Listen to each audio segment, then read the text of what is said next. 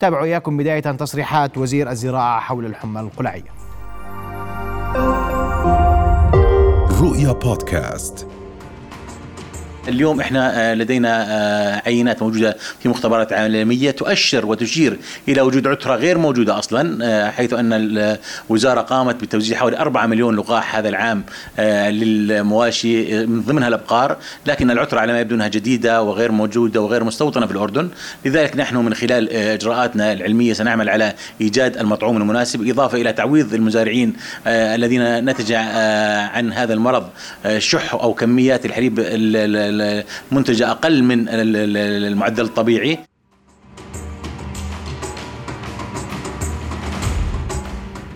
تفاصيل ما حدث في هذا الموضوع وما يحدث وما الذي يحدث واثره على الغذاء أناقشها مع مساعد أمين عام وزارة الزراعة للثروة الحيوانية علي أبو نقطة. مساء الخير أستاذ أهلا بك.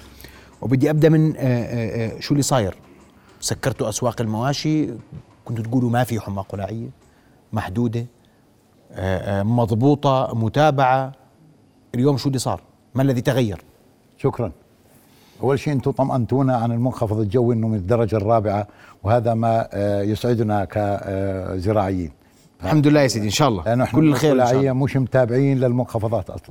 نعم. الآن لما كنا نحكي أنه ما في تفشي ماذا تعني كلمة تفشي؟ وماذا كنا نقول؟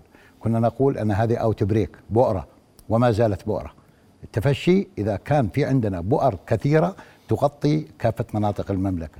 فنحن نتحدث عن بؤرة وما زالت بؤرة محصورة في منطقة الظليل والمزارع القريبة منها في منطقة الخالدية وتقع تحت مظلة جمعية مربي الأبقار. فهي تعامل كوحدة واحدة وبؤرة واحدة لغاية الآن. بؤرة واحدة وأغلقتوا كل أسواق المواشي في طبعا. المحافظات؟ طبعا لك ليش. ليش؟ آه إحنا هذا المرض مستوطن وموجود اللي هم الحمى القلاعيه وهو فيروس مرض فيروسي. هذا موجود ومنتشر من المغرب وصولا إلى شمال ووسط أفريقيا إلى منطقة الشرق الأوسط امتدادا إلى الهند. فهذا المرض موجود ومستوطن. آه لكن بين فترة وفترة يصيب هذا هذه الحيوانات. الآن اللي اللي قامت فيه الوزارة حتى ننتقل إحنا حسب تصنيف منظمة الصحة الحيوانية تصنيفنا بالدرجة الأولى ما زلنا. حتى ننتقل للدرجة الثانية قامت الوزارة بتنظيم حملة وطنية لمكافحة هذا المرض. وقامت بتأمين 4 مليون جرعة وتم تطعيم ما نسبته 90% من أعداد الأغنام والأبقار الموجودة في المملكة. لكن هذا المطعوم غطى العترات الموجودة في الأردن وهي مسجلة لدى منظمة الصحة وبمطابقة آه، مختبر مرجعي اللي هو مختبر بيربرات في بريطانيا. حددنا العترات الموجودة سابقا والمعروفة لدى المنظمات الدولية وطابقنا العلاج الأقوى والأفضل وتم شراء اللقاح والقيام بحمل التطعيم. ما زالت الحمد لله النتائج المسح الوبائي التي يقوم بها فريق من الفاو برئاسة عميد كلية الزراعة عميد كلية الطب البيطري سابقا نتائج المسح الوبائي أعطت أجسام مناعية بنسبة 86% لكن هذا اللقاح لم يغطي العترة الجديدة التي تم الكشف عنها يوم الجمعة أو حتى يعني صباح يوم الجمعة الساعة 2 أحد علمائنا في جامعة العلوم والتكنولوجيا لأنه الأعراض اللي ظهرت على الحيوانات المصابة في منطقة الضليل كانت تختلف نوعا ما عن الأعراض الموجودة للعترات السابقة. فأخذ العينات وحللها وبعثها إلى مختبر بيربرايت وطابقها تبين عندنا الإصابة بعترة جديدة اسمها سات 2 وهذه سات 2 موجودة في العراق موجودة في الكويت موجودة في السعودية وموجودة في القرن الأفريقي. طيب. شو مش هيك سكرتوا ال نعم. الآن هذه العترة خطيرة. لم تكن مسجلة عندنا ولم يكن مسجل لها لقاح. إحنا ما عندنا هذه العترة عشان هيك ما في شركة من شركات الأدوية سجلت لقاح لهذه العترة. أما في الدول الثانية العترة موجودة ومسجل لها لقاح. الآن حتى نحصل على اللقاح حتى نحمي ونحاصر هذه البؤرة. في منطقة الإصابة يلزمنا إغلاق هذه المنطقة أمام خروج ودخول الحيوانات من وإلى ال- ال- المنطقة المصابة ويلزمنا أيضا احتمال في حيوانات خرجت من المنطقة وهي تحمل الإصابة فمنعنا أسواق الحلال من لمدة 14 يوم لأنه أسواق الحلال هي بالأصل هي بؤر لانتشار الاوبئه بغض النظر عن القلاعية وغير القلاعية. عندنا اللقاح بدكم تجيبوه يعني ولا جبتوه؟ اللقاح في آه، اجتماع يوم أمس اللي كان يوم السبت برعاية معالي وزير الزراعة وعطوفة الأمين العام وأساتذة من جامعة العلوم والتكنولوجيا ورؤساء الجمعيات وعقد هذا الاجتماع في مبنى المتصرفيه في لواء الظليل وبوجود رؤساء البلديات تم التوافق على لأنه كون اللقاح مش مسجل وافقت الوزارة بناء على مطابقة اللقاح الأقرب إلى هذه العترة عن طريق مختبر مرجعي اللي حكيت لك عنه في بريطانيا أن اللقاح الأقرب هو اسمه العلمي وهو إنتاج شركة ألمانية ولكنه كونه غير مسجل في الأردن سمحنا باستيراده وتم التواصل مع الوكيل المعتمد في الإمارات. تواصلت معه أنا امبارح الساعة 11 بالليل واليوم معالي الوزير أيضا حكى معاه صباحا حتى يامنونا كمية تكفي على الأقل لمحاصرة البؤرة لأنه الحيوان المصاب ما عاد يفيد في اللقاح. أخذ المناعة من الإصابة. إحنا الآن معنيين بس أنت بتقول لي هذه الحمى المسجلة الجديدة خطيرة. هو الفيروس كله خطير. خطيره على الحيوانات. الحيوانات نعم. خطير على الحيوانات لأنه بيعيش 14 يوم 14 يوم بضل حي وينتقل هوائيا 10 كيلومتر.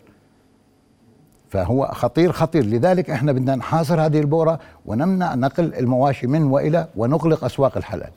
والنقطة اللي حكيت فيها اللي هو منع استيراد الاعلاف الحشيش من العراق. من العراق. إحنا بنستورد من العراق البرسيم والقش والتبن. ولكن شروط استيرادنا حاسمة وحازمة بك- بحيث يتم تبخير لأن العراق منتشر فيها هذا الوباء وهذه العترة. وأيضا هو سابقا قبل انتشار العترة الجديدة كان في عترات سابقة مشابهة. فمنعا لانتقال العدوى كنا نشترط أن تحصل على شهادة صحية بيطرية. هذه الأعلام بأنها تعرضت إلى عملية التبخير. وبعد ذلك أن يكون النقل بسيارات محكمة الإغلاق ولكن هذا الفيروس لما حديث حكينا عنه إنه فيروس خطير هو ينتقل حتى بعجال السيارات بأجسام السيارات بأي أجسام صلبة ويستمر لمدة 14 يوم. طب أنتم اليوم آه، آه، بعد الإغلاق ووقف الاستيراد للآلاف من العراق شو القادم؟ نعم شو شو القادم؟ نسبة الانتشار اليوم شو بتقيموها؟ بتقولي 90% معها ماخذ لقاح بس أنا اليوم بالمية لقاح اللي- إحنا- المعتمد عندنا. معروفة سابقا. اليوم إحنا مواشينا مش ماخذ اللقاح لهذه نعم. الحمى. نعم. اللي انتشرت مؤخرا في الظليل. تمام. تمام؟ واليوم سكرنا الأسواق 14 يوم ووقفنا استيراد الالاف من العراق، شو الإجراء؟ بعد 14 يوم مش تفتح؟ إحنا مش فقط أغلقنا أسواق الحلال ولا أوقفنا استيراد. أيضا النقطة اللي حكينا فيها البحث والب... وبالسرعة القصوى الحصول على المطعوم. مم. والمطعوم كمياته محدودة. لذلك زي ما حكيت لك إحنا نبحث على لقاح يكفي للمنطقة المحيطة بالبؤرة. كمان الوزارة تحملت رسوم مكب النفايات في حال وجود نفقات نفوقات آه، ارسالها إلى مكب الظليل آه، بالإضافة إلى أنه إحنا بالوزارة أخذنا قرار امبارح بتشكيل لجنة لحصر الأضرار لتعويض المزارعين عن ما يلحق بهم وما لحق بهم من أضرار. الحكي عن 25 مليون. هذه اللجنة تقررها. الآن هل سيتم تعويض اللجنة؟ بتنسب وبتحصر أضرار. إمكانيات الدولة بكم تسمح صندوق المخاطر هل يغطي آه، آه، الرئاسة؟ هل ستساهم؟ لكن المزارعين وخاصة صغار المزارعين ومتوسطين الحيازات هذول بحاجة لتعويض حتى يستمر عملية الإنتاج. وبالمناسبة خسائر المزارعين هي خسائر اقتصادية. يعني تراجع في إنتاج الحليب في المزارع التي تصاب. آه بس أنت اليوم آه، الحليب هذا مناسب للناس؟ مية بالمية. كيف 100%؟ مية بالمية أبدا. إحنا مرجعيتنا الاو اي اي منظمة الصحة العالمية الحيوانية. هذه لا تسجل هذا المرض ضمن الأمراض المشتركة مع الإنسان ولا ينتقل إلى الإنسان. هذه من ناحية. الناحية الثانية أنه المنتجات سواء كانت لحوم أو حليب أو ألبان هي منتجات سليمة ولا تنقل المرض. وهنا اسمح لي أخ محمد اللقاءات التي تحدث على القنوات الفضائية والمواقع الإلكترونية تتم مع أشخاص قد يكونوا من غير المختصين. ونحن لدينا علماء أستطيع واجزم بأنهم علماء واساتذه جامعات مختصين بالفيروسات ومعتمدين لمنظمات عالمية. وأستغرب أنه لا يتم دعوتهم والأخذ بحديثهم. وعندنا تجربة سابقة كانت أيام أزمة كورونا. كنا نستعين بخبرانا لأنه إحنا بحاجة اليوم إنه نشخص الحالة صح حتى ما نثير الرعب في نفوس المواطنين وأيضا ما نزيد ونفاقم من خسائر المزارعين. إيش يعني قصدك معلش الناس اليوم قلقانة. قلقانة من كل شيء. قلقانة لك واصلة من مرحلة قلق في, قلق على البيض. قلقانة من ملوش دعوة. قلقانين الناس من البيض ومن الحليب ومن اللبن ومن اللبنة ومن الجبن كل شيء. نعم حقهم لأنهم بيسمعوا تصريحات مش من مختصين والإعلام دوره أن يجلس ويدعو آه، المختصين وأصحاب الخبرة للمواطن بيسمع لهم ويثقوا بأساتذتنا وبجامعاتنا وبعلمائنا. نسمع لهم ما نسمع للأصوات الأخرى. بيان هون وبيان هون هذا يجافي الحقيقة. نلتقي مع شخص مش صاحب اختصاص. فهذا آه، آه، دعوة للمحطات الفضائية والمواقع الإلكترونية أن تكون رسالتهم مبنية على معلومة صحيحة من شخص موثوق فيه صاحب اختصاص. والمعلومه اللي راح أعطيك إياها إنه الغذاء وهذا المرض لا ينتقل للإنسان وإن انتقل وإن انتقل. وما سجل هو لا يجوز الحديث فيه لأنه نتحدث عن ولو في مجال راح أسمعك بعد المقابلة. تسجيل صوتي لعالم فيروسات يقول إنه هذا لا ينتقل لا ينتقل نهائيا للإنسان. ولو بده ينتقل كان آه، آه، أهلنا المزارعين اللي لهم آه، أسابيع بين الأبقار المصابة كان كلهم مصابين. وإن انتقل لا سمح الله أعراضه بسيطة جدا لا تتعدى أعراض الرشح البسيط. ولكن هو لا ينتقل للإنسان. طيب. لا من خلال الملامسة ولا من خلال المنتجات لا حليب ولا ألبان ولا اجبان طب أنا راح أسألك سؤال كيف كنت أنتم كيف تأمنوا اليوم من الألبان؟ كيف كنتم تأمنوا منتجات هاي اسمح لي بس قبل قبل ذلك اسمح لي أرحب بنائب نقيب الأطباء البيطريين الدكتور غضنفر أبو جنديب. دكتور غضنفر مساء الخير. مساء النور والأنوار. دكتور غضنفر تتابعون ما يحدث حول موضوع الحمى القلاعية والقلق كل القلق على الثروة الحيوانية في الأردن. وجهة نعم. نظركم في نقابة الأطباء البيطريين. نعم نعم. نحن نتابع الحدث لحظة بلحظة. آه، ونحن كمجلس نقابة الأطباء البيطريين في حالة انعقاد دائم آه، وشكلنا خلية آه، من زملائنا ذوي الاختصاص في المجترات في المجترات الكبيرة والصغيرة. وعلى رأس الساعة توردنا المعلومات من كافة زملائنا في القطاع الخاص في كافة محافظات المملكة. بداية اسمح لي أرحب بمساعد الأمين العام كل الاحترام للجهود المبذولة. الله يبارك فيك ويحفظك أحب أن أوضح بعض الأمور بعد المشاهدين.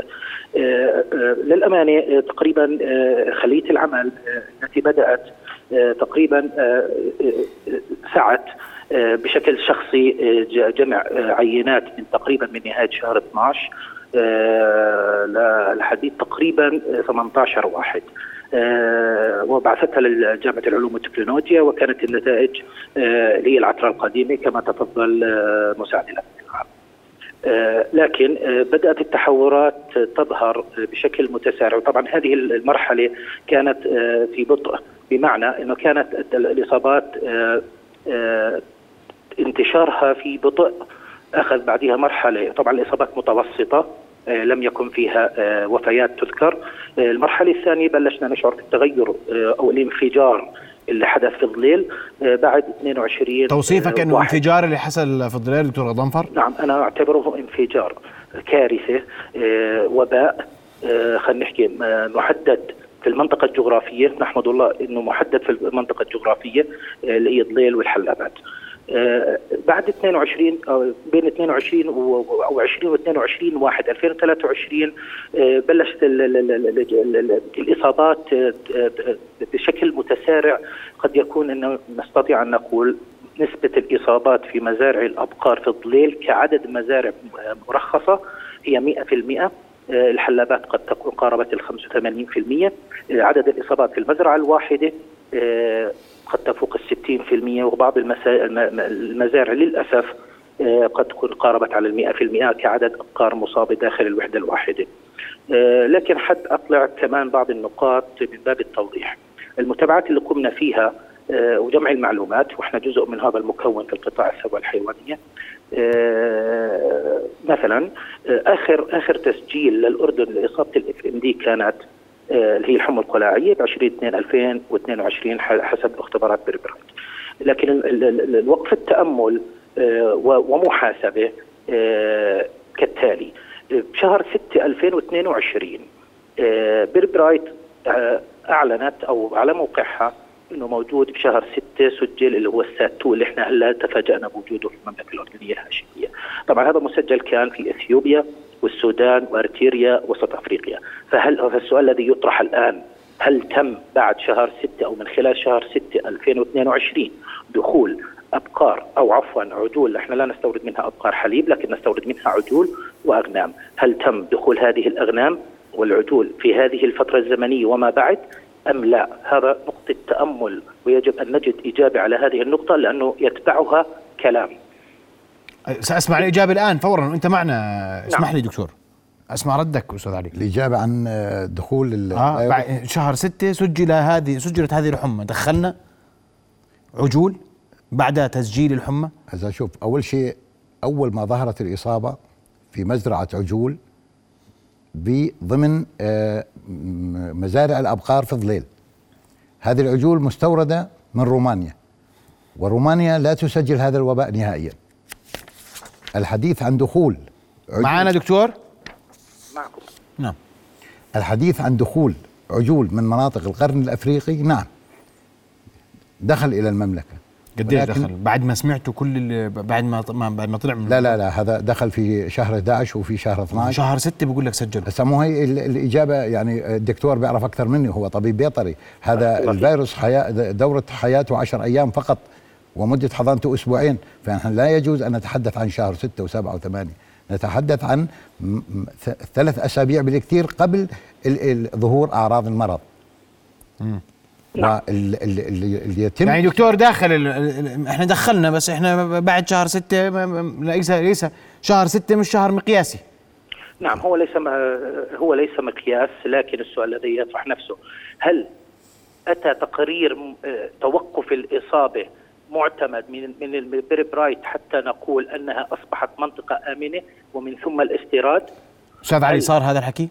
هسه شوف إحنا آه، آه، بنستورد من دول آه، فيها هذا الوباء ولكن ضمن اشتراطات صحية لجان من زملائه الأطباء البيطريين يحضروا الأسبوع الأخير من الحجر بعد حجرها لمدة ثلاث أسابيع أطباء بيطريين زملائه يشرفوا على عملية الحجر وأخذ عينات بنسبة 100% فحص هذه الحيوانات وهنا تح- تحضر لمكان واحد وهذا يجب أن أشير إليه إنه الاستثمار اللي بتحدث عنه هو للصندوق الهاشمي الأردني ولم يدخل رأس واحد من هذه الحيوانات التي تم استيرادها من هذه المناطق إلا بعد حجرها. وإشراف بيطري عليها ودخولها إلى المربع الصحي وإعادة تصديرها ولم يدخل للأردن أي حيوان واحد منها.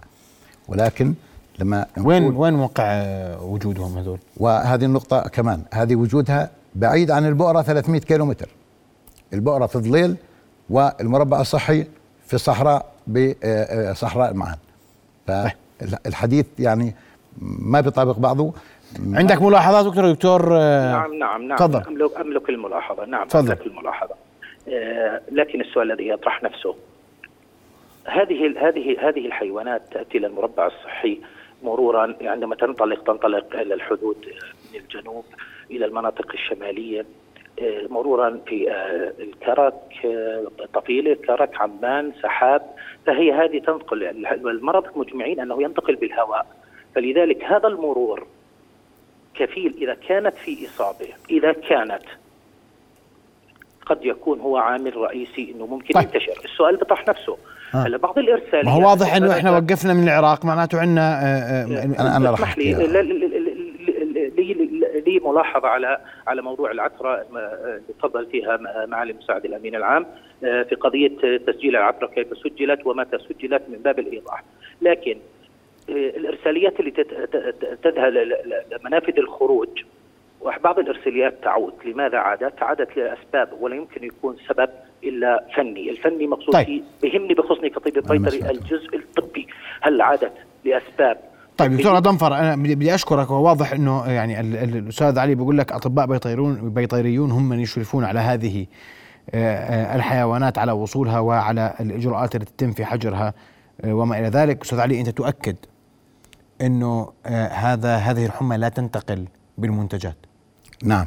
ولا تصيب الأطفال. وهذا كلام الخبراء ومصادق عليه ضمن لوائح المنظمة العالمية للصحة الحيوانية تقول بأن هذا إحنا بالمناسبة سبعة من كل عشر أمراض مصدرها حيواني تصيب الإنسان.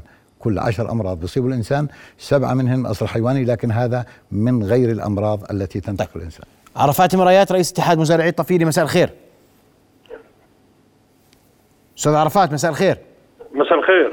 أستاذ عرفات آه، نعرف منك آه، ما يحدث الآن في في هذا الإطار والوضع عندكم في الطفيلة والتواصل وكم الخسائر المقدر اليوم للقطاع آه، الثروة الحيوانية تحديدا. تفضل.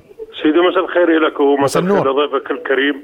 آه كل مناطق المملكة سليمة باستثناء هي منطقة الضليل فيها بؤرة في منطقة الضليل ولا مناطق المملكة كافة المحافظات هي سليمة لغاية هذه اللحظة وفي تواصل مع وزارة الزراعة مع مع الوزير مع الأمين العام مع الأطباء البيطريين لغاية الآن لم يسجل أي إصابة في باقي المحافظات.